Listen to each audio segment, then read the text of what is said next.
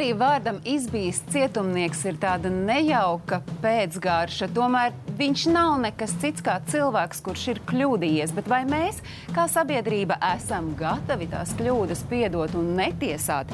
Cietumnieku otrā iespēja ir mūsu zilonis studijā šai reizei.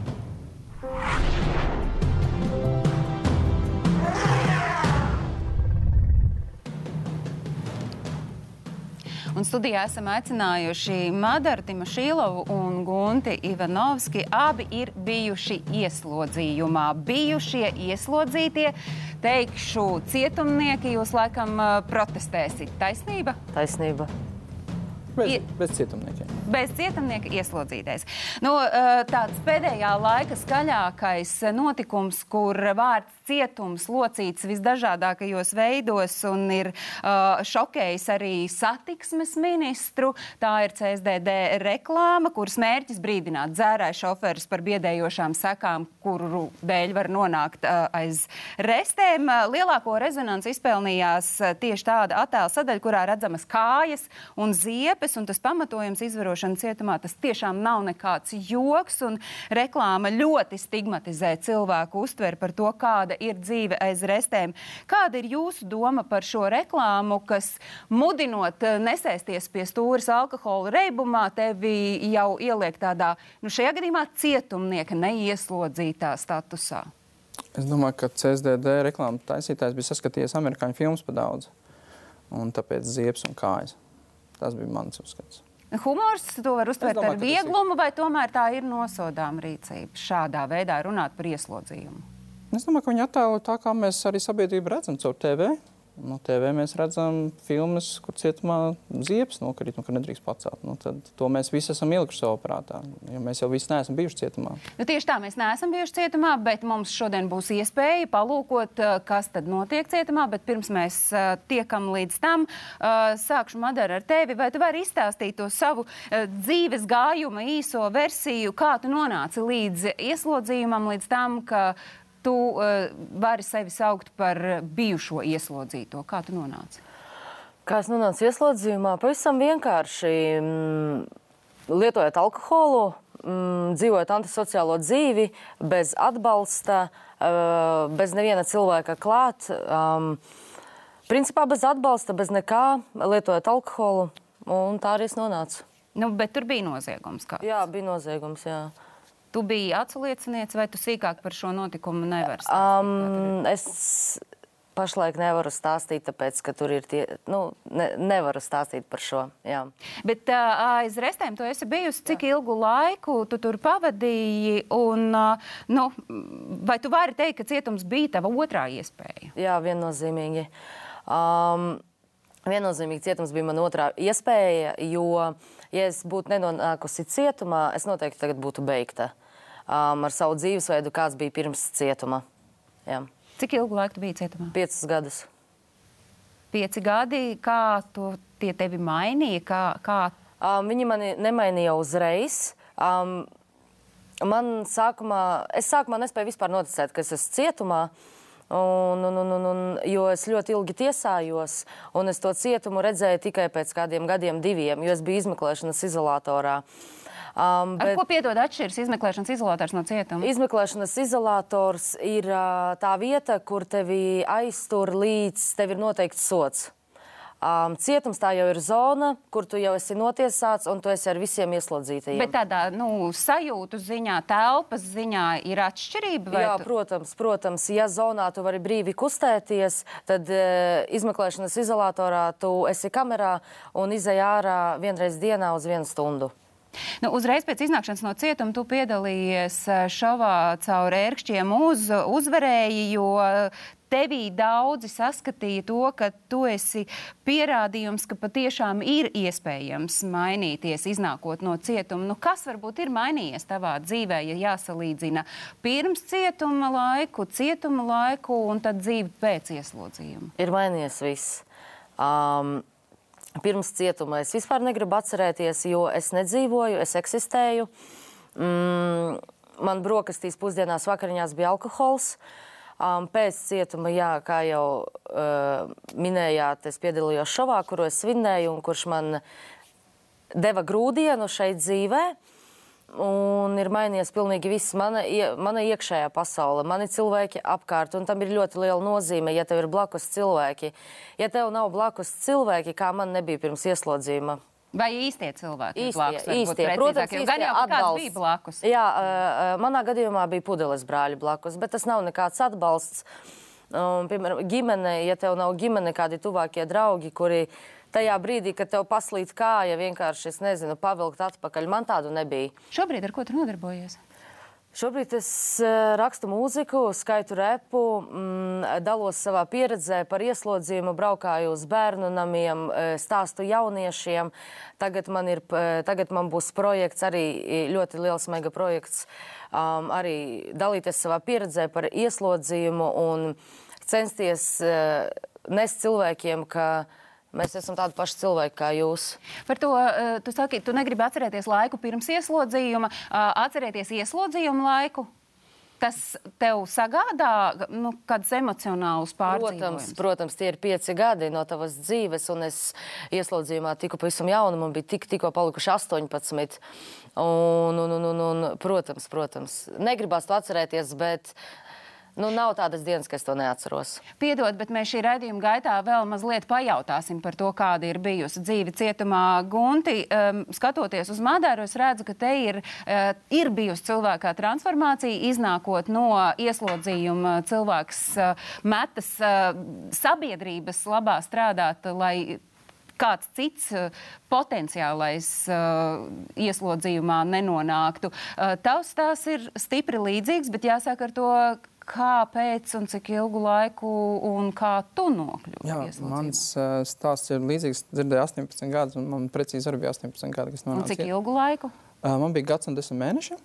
Un par uh, ko, ja drīkst? Un uh, narkotisko vielu glabāšana pietiek ar, tas bija heroīns, uh, 0,00 kaut kāds 3 vai 4, tas ir pat tādu daudz, tev var iedot uh, līdz pat 5 un 8 gadiem. Uh, Tajā laikā vēl bija vecā likumdošana, tas ir 20 gadus atpakaļ. Tas nozīmē, ka bija daudz lielāka, bargāka soda. Iemesls nonākuši, kā jau minēju, narkotikas, bija arī antisociāls dzīvesveids, 90. gadi. Jaunietis, pirmais noziegums izdarīja jau 14 gadu vecumā, tika tiesāts, protams, kopā ar draugiem, ar paziņām un alkohols, pēc tam narkotikas. Visi gribās pamēģināt dzīvot to brašo dzīvesveidu. Abi vecāki uz to brīdi šķīrās, kas arī palika vecās mammas. Protams, vecā mamma jau nevar pieskatīt mūsu brāli. Un tas arī, protams, aizved uz ielas dzīvi, kur arī viss sākam pamēģināt. Un 18 gados nonācis pirmoreiz cietumā. Kāda bija tava dzīve cietumā? Kādām atmiņām? Jā, ir uzslāņojums 20 gadi, un tomēr, ja Madara katru dienu atceras. Nu, pārsteigums bija tas, ka tad, kad tu esi atkarībās no heroīna, es biju tieši pirms nonācis cietumā, es biju trīs mēnešus dien, dienā lietoju heroīnu. Nu, tā ir nu, šausmīga dzīve, ka tu vienkārši ielieto un domā uzreiz par nākamo dozi, domā, kur ko dabūt, kur ko aizņemties, naudu vai nozagt. Un tad tu nonāc vietā, kur nu, nekā tāda tev nav iespējama. Nav, un es tagad gaidu, ka man sāksies tā saucamās uh, lomkas pēc uh, šīm atkarības, nu, pēc heroīna lietošanas.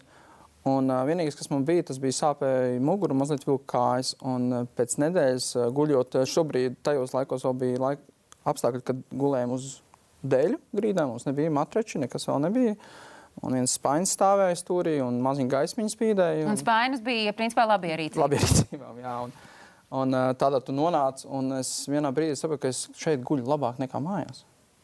Es šeit es guļu labāk nekā mājās, jo tev neviens nesauc, tev neviens negaida. Man māja, tur, kur es dzīvoju, tur bija saucamais tāda, nu, pritons, kur nāca cilvēki cauri laika, palaid iekšā, vajag iedzert un cits lietas. Un es nemācēju pateikt nē. Un man nebija tēvs arī, kas palīdzēja to saprast, jo viņš arī lietoja. Tā kā es biju savā ziņā cietums, man bija tāda tā apstāšanās punkts. Beidzot, esmu. Protams, es cerēju, ka es nākšu ārā, bet tad arī viss sākās.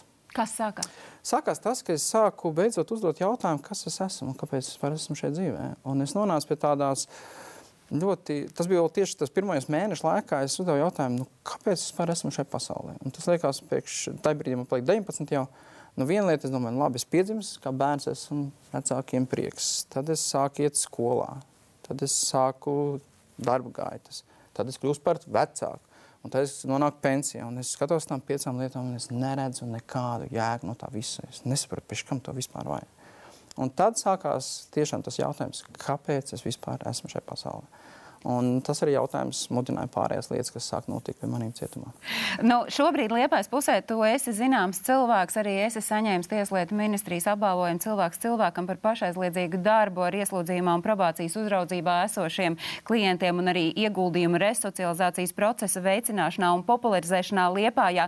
Tad arī tevī notiekot transformācijai uh, ieslodzījumā, esot aiz restēm, ir, tas ir bijis grūdienis uh, turpināt strādāt pārējo, nu, iespējams, lamatās iekrītošo cilvēku labā. Jā, grūdienis notika ļoti interesants. Iznākot ārā, burtiski gan arī divu nedēļu laikā tika apakaļ. Protams, draugi sagaida, iedzēšanas, alkohols, agresija. Tā nav klasika, piedod. Tā ir klasika, tāpēc, ka mēs sapņojam, ka iznāksim ārā, mēs atpūtīsimies, jutīsimies brīvi. Bet, īstenībā, bet tad darīsim visu to, ko nevarējām jā, darīt visu to bet, laiku. Bet īstenībā brīvība jau nav, un mēs nonākam atkal nākošajā apakaļ. Un, uh, burtiski tik apakaļ, bet, eh, bet eh, manī es eh, pēc tam izlīgu to cilvēku, ko mēs nodarījām ja es atvainojos un izlīgu visu kārtību, bet, bet tad es nokļuvu citā sabiedrībā. Tajā brīdī Kuldīgā bija notikusi ļoti lielas izmaiņas. Tas ir nu, par 2003. gadu. Ļoti daudz bijušie narkomāni un ieslodzītie viņi sāka mainīties. Un Kuldīgi bija šokā, nesaprata, jo agrāk viņi bija visi no viņiem baidījies, un te viņi šobrīd stāv priekšā un runā. Viņa lielākā daļa visu kļūst ticīgi, viņas uzticēs Dievam, un tas mainīja ne tikai viņu ārēji, bet arī no iekšpuses uz ārpusi. Viņi sāk runāt, viņi sāk uzvesties, viņi sāk nelietot vairāk. Un to starp arī tu. Un, un es domāju, es uzdevu jautājumu, kāpēc es nevaru pamēģināt to. Un pamēģināji, sanāci uh, par uh, ieslodzīto, jo maniem studijas ciemiņiem šodien nepatīk vārds cietumnieks, un tas ir diezgan saprotami. Tāpēc uh, par uh, bijušo ieslodzīto uh, nākotnes iespējām, par iespējām mainīties, par šo otro iespēju mēs runāsim raidījuma turpinājumā vēl, un arī, protams, ielūkosimies, kā tad īsti izskatās cietumā.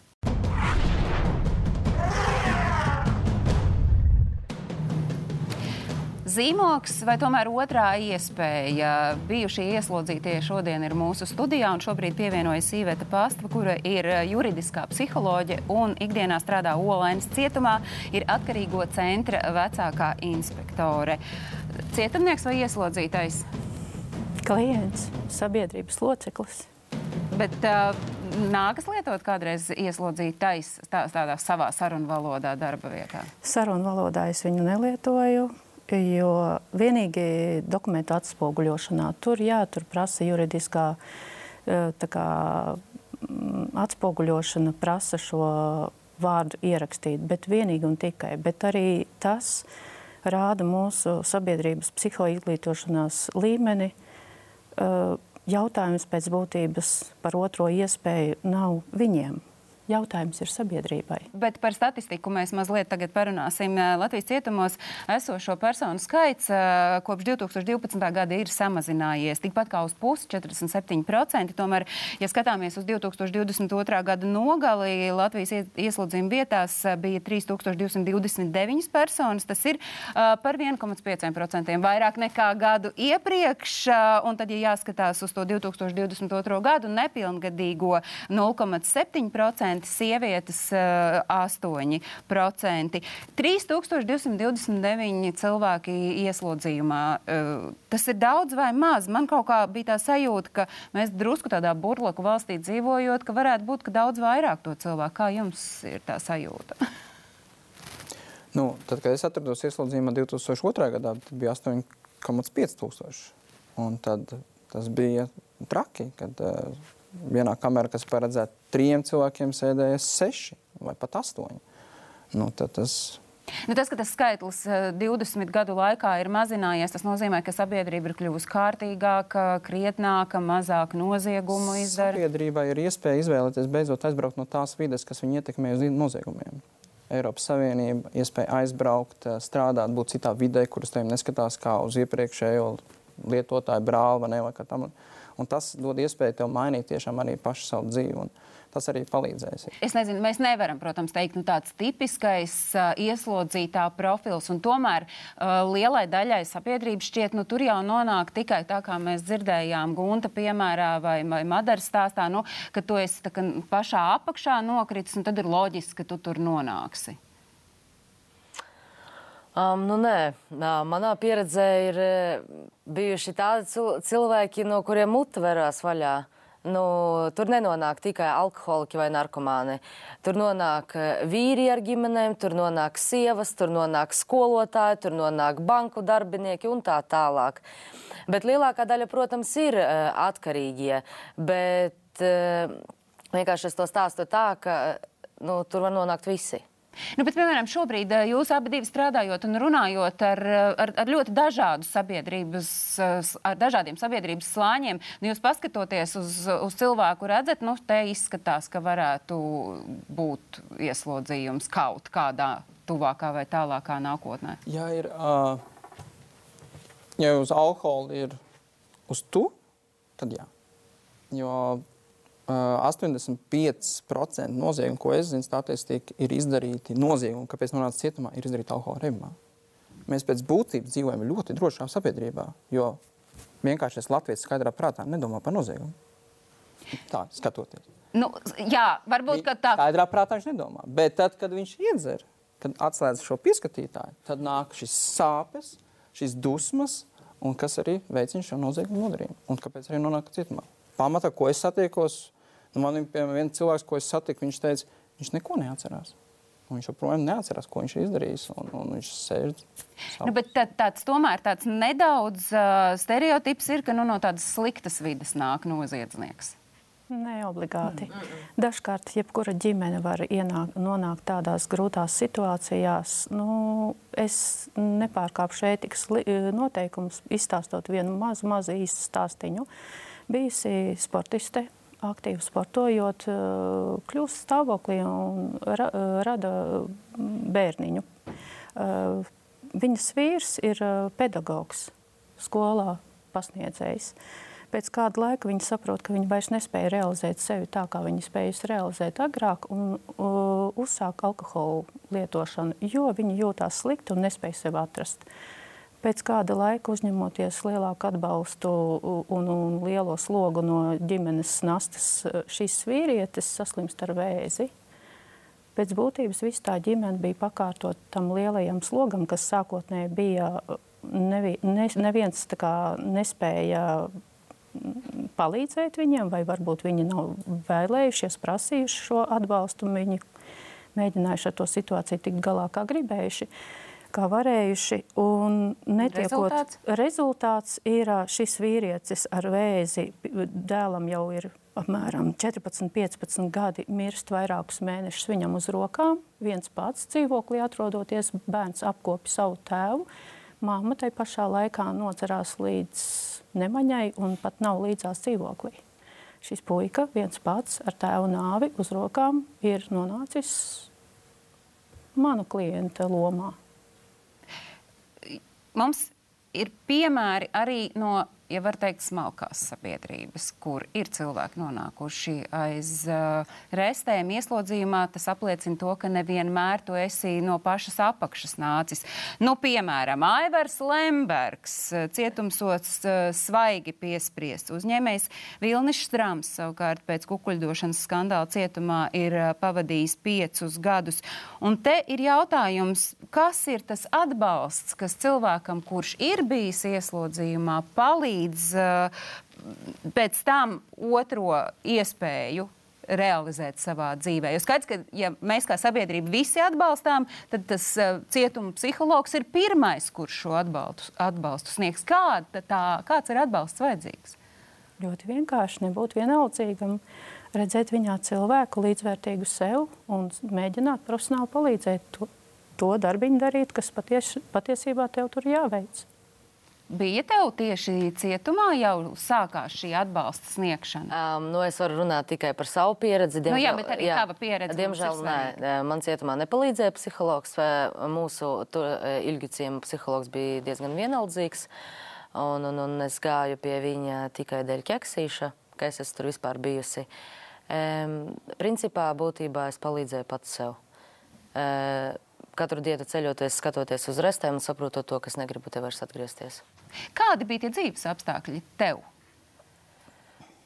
Cietumā. Cik cilvēki jūs bijāt?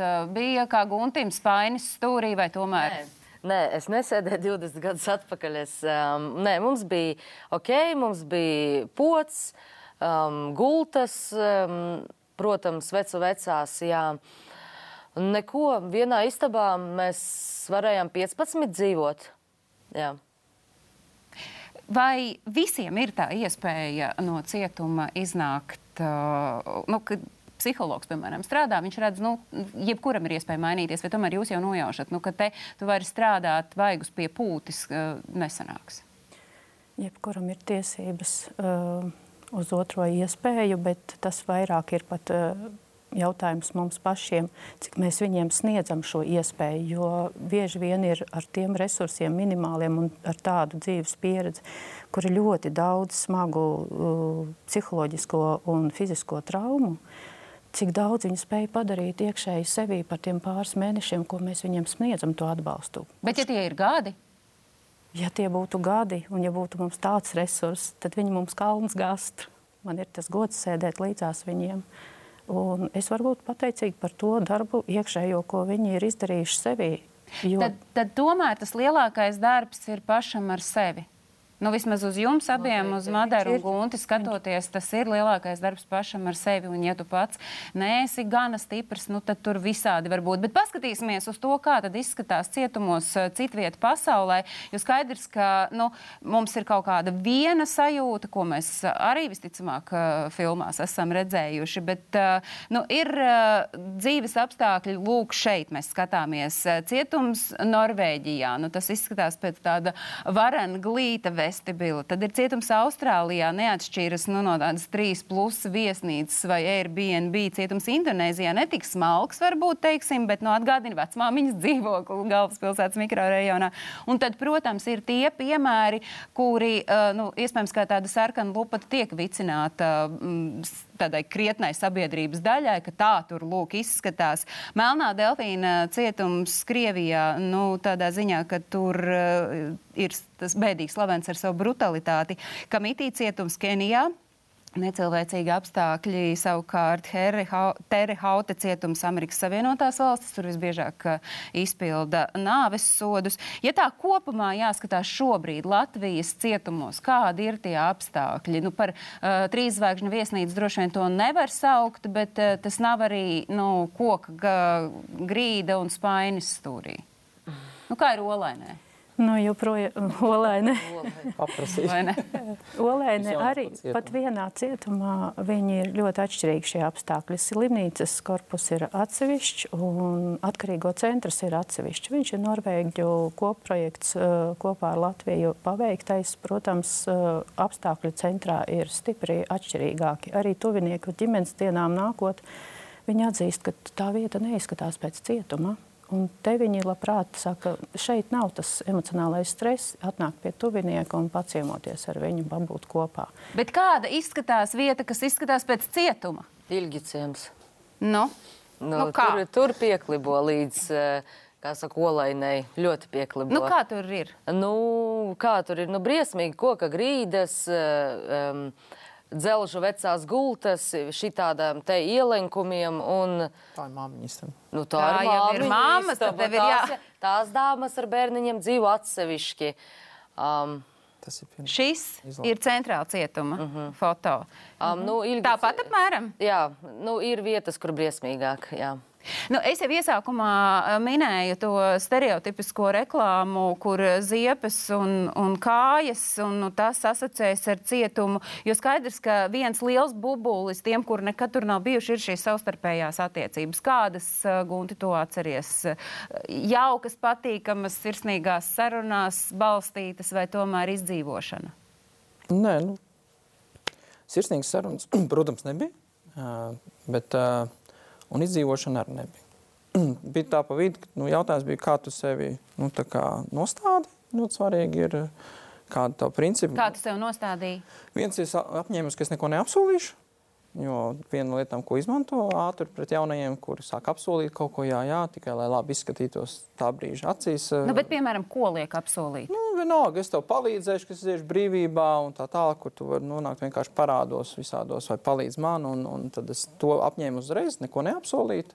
Nu, kaut kādas tur kastu sistēmas. Uh, viņas uh, ir, jā, es biju, kā saka, mužiks, kas bija vienkārši. Ko tas dzīvo. nozīmē tiem? Tas nozīmē, ka tu neesi, uh, nu, ka tu esi vienkārši pats par sevi dzīvo, tu esi gatavs arī nu, strādāt, tiešām, nu, kas ir attiecīgs darbs, tur, piemēram, kokapstrādes uzņēmumā, es strādāju Jelgavā, un, un, un Un tu mierīgi varēji dzīvot. Tev nebija augstākā kaste, kas cenšas nu, vadīt uh, cietumu un organizēt. Paga, bet vai tad uh, cietumu nerauga, neuzrauga un nevada cietumu vadību un uzraugi? Kāpēc jūs smejaties? Vada. Bet uh, mums nevajag noliegt to, ka kastes patiešām pastāv. Jā, mēs uh, cenšamies kā, mm, neatbalstīt šo kastu sistēmu vai, vai, vai kā, uh, Ehm, neiedziļināties vēl vairāk šajā kastu sistēmā, bet uh, ignorējot to, ka tā kasta pastāv, mēs vienalga no īstenības neizvairīsimies. Viņa pastāv un viņu pasaule tur iekšēji notiek pati pa sevi, vienalga tiek sadalīta. Uzraudzība, protams, notiek, un, un, un, un cietuma vadība uzrauga šo cietumu, bet iekšējā pasaule vienalga ir. Sievietēm tāpat? Protams. Nu, nu, Pāraksturo, kurā tad galā tu biji, ja, ja, ja tomēr tas um, nē, nē, nu, zin kā, sievietes ir sievietes, tās jau ir čūskas un ir traki starp sievietēm. Bet sievietēm nav tur, piemēram, rupi runājot, kā viņiem tiem vīriešiem kreisie, tur mužiki. Mums nav. Protams, mums ir tā, ka nu, ir normālas meitenes, kuras nu, ir normālas, protams, ir. Mums, piemēram, tabū ir, eh, bija meitenes, kuras ir par bērnu slepkavībām, nu, tādas kaut kādi tādi noziegumi. Un tādas dāmas mums sēž, diemžēl, ir tāda vieta kā kapela tur. Bet tā kā vīriešiem, piemēram, kā viņi tur nodala, ka apmēram cigareti vienam no otram nevar paņemt, un tad tu esi tur tāds un tāds, tā mums nav. Kapela ir kas? Tas kapela, ir ietvarā kaut jā, kāda jā, telpa, jā, jā, jā tur, kur dieviņu lūdz un tā. Bet, nu, Guntis sacīja par to, ka tās ziepes kājas tas ir tikai filmās. Kāpēc tad joprojām to kultivē? Sievietēm arī ziepes kājas? Mm -mm. Tādā Bailes. ziņā, va, tiem likumi, jā, iekšē, protams, cietums tā ir vispār arī par to uzraudzīšanu. Man, tā, Uzraudzīšana ir uzraudzīšana, bet mēs reāli tur ir cita pasaule un mēs viņu veidojam tur. Un uzraugi ir uzraugi priekš tam, lai nenotiktu kaut kādas slepkavības, masu tādas, bet viņi nevar izkontrolēt visu, kas notiek iekšienē. Un, un, un, un, bet nu, mums ir savādāk eh, sievietēm kā vīriešiem noteikti. Saprast, kas tur bija ar tām ziepēm? Bailes? Uh. Pēc būtības tas ir mārketinga tāds uh, veids, kā caur bailēm vadīt uh, mm, sabiedrības kaut kādas uh, izvēles, priekšstatus. Uh, jā, un šajā momentā man liekas diezgan nefe, neforši bija izmantot šīs bailes uh, priekš tā, lai uh, parādītu, kādi tad ir tie mūsu priekšstati par uh, cietumiem jo tā nav patiesība. Nu, redz, tur jau ir tas āķis, mēs neesam uh, bijuši, uh, un tāpēc mēs nezinām, tāpēc ir viegli iespējams spekulēt. Un, Turpināsim vienu stereotipu, to, ka ieskicējām ar tādiem stereotipiem un aizspriedumiem, ar kuriem nākas saskarties cilvēkiem, kuri iepriekš ir bijuši ieslodzījumā. Mēs arī turpināsim pēc reklāmas pauzes.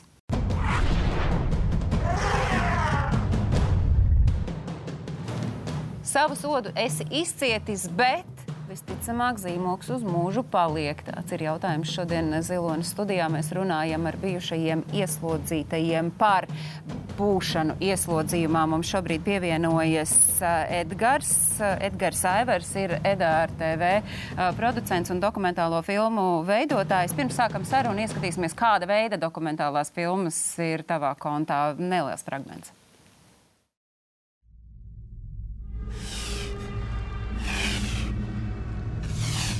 Vecākie puikas lietoja, un mums arī gribējās tā kā viņi, un mēs taču nezinājām, pie kā tas novedīs.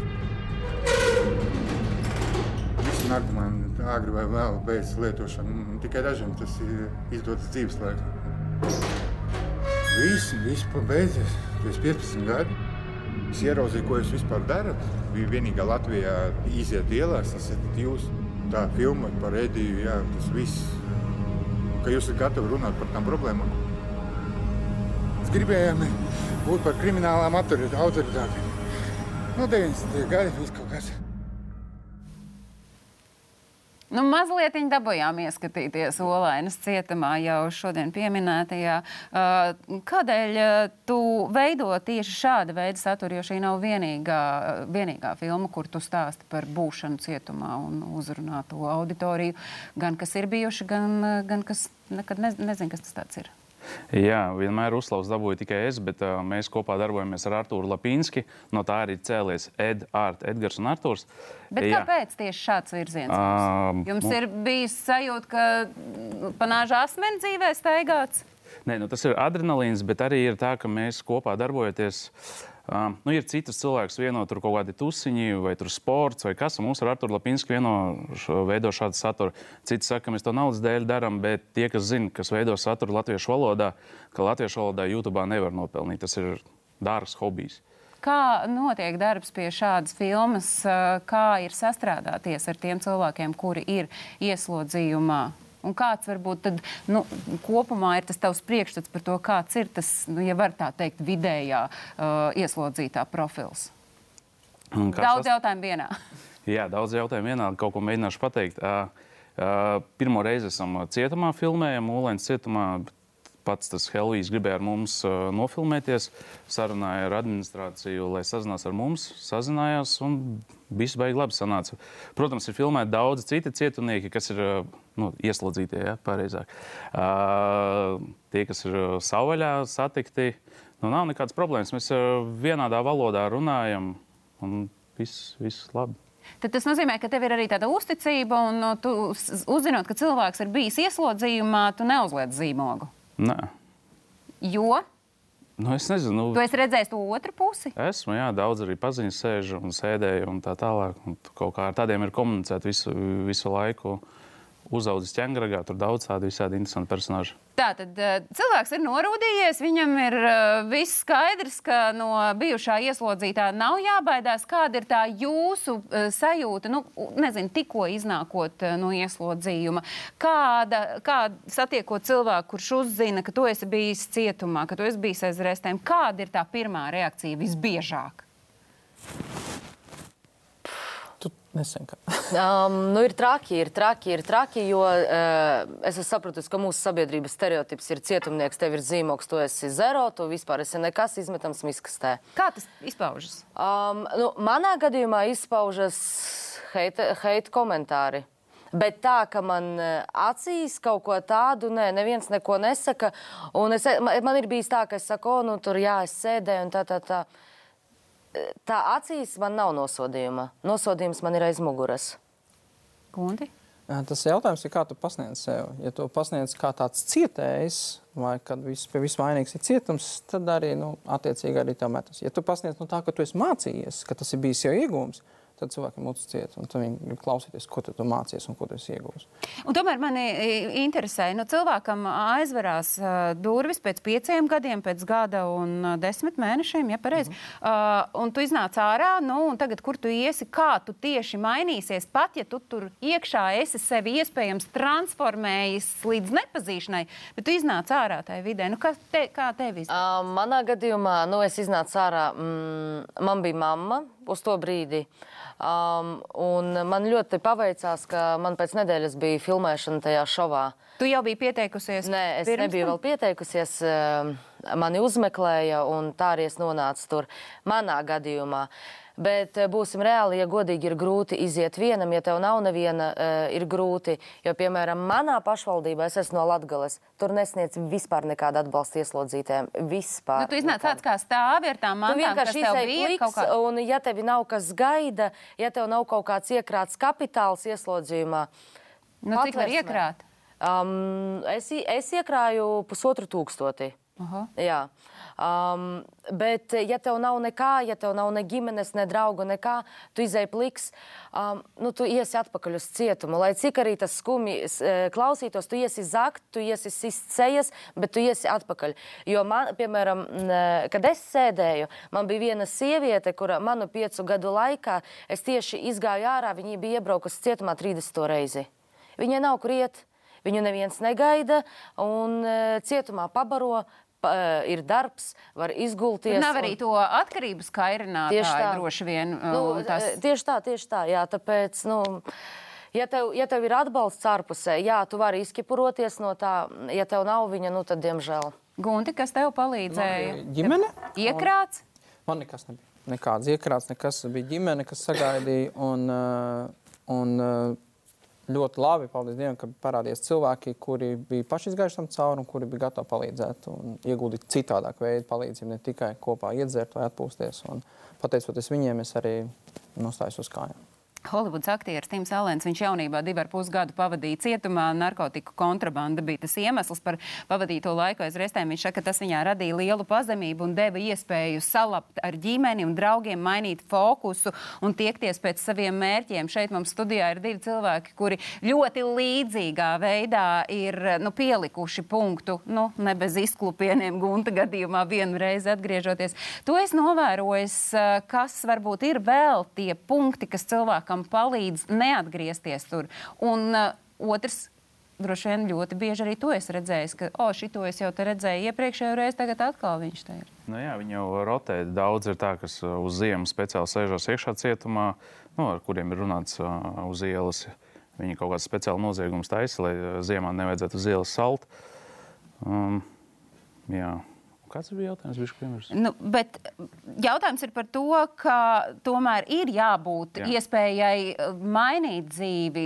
Kādu tu redzi tos, nu, arī tos veiksmes piemērus? Jo šeit mums sēž divi cilvēki, kuri ir uzskatāmi par veiksminiekiem, kas patiesībā ir diezgan aplami. Jo vajadzētu būt, ka visiem, kas iznāk, ir tā iespēja. Nu, mums ir uh, divi stāsti, kas arī ir iemūžināti. Tas ir caur adatu.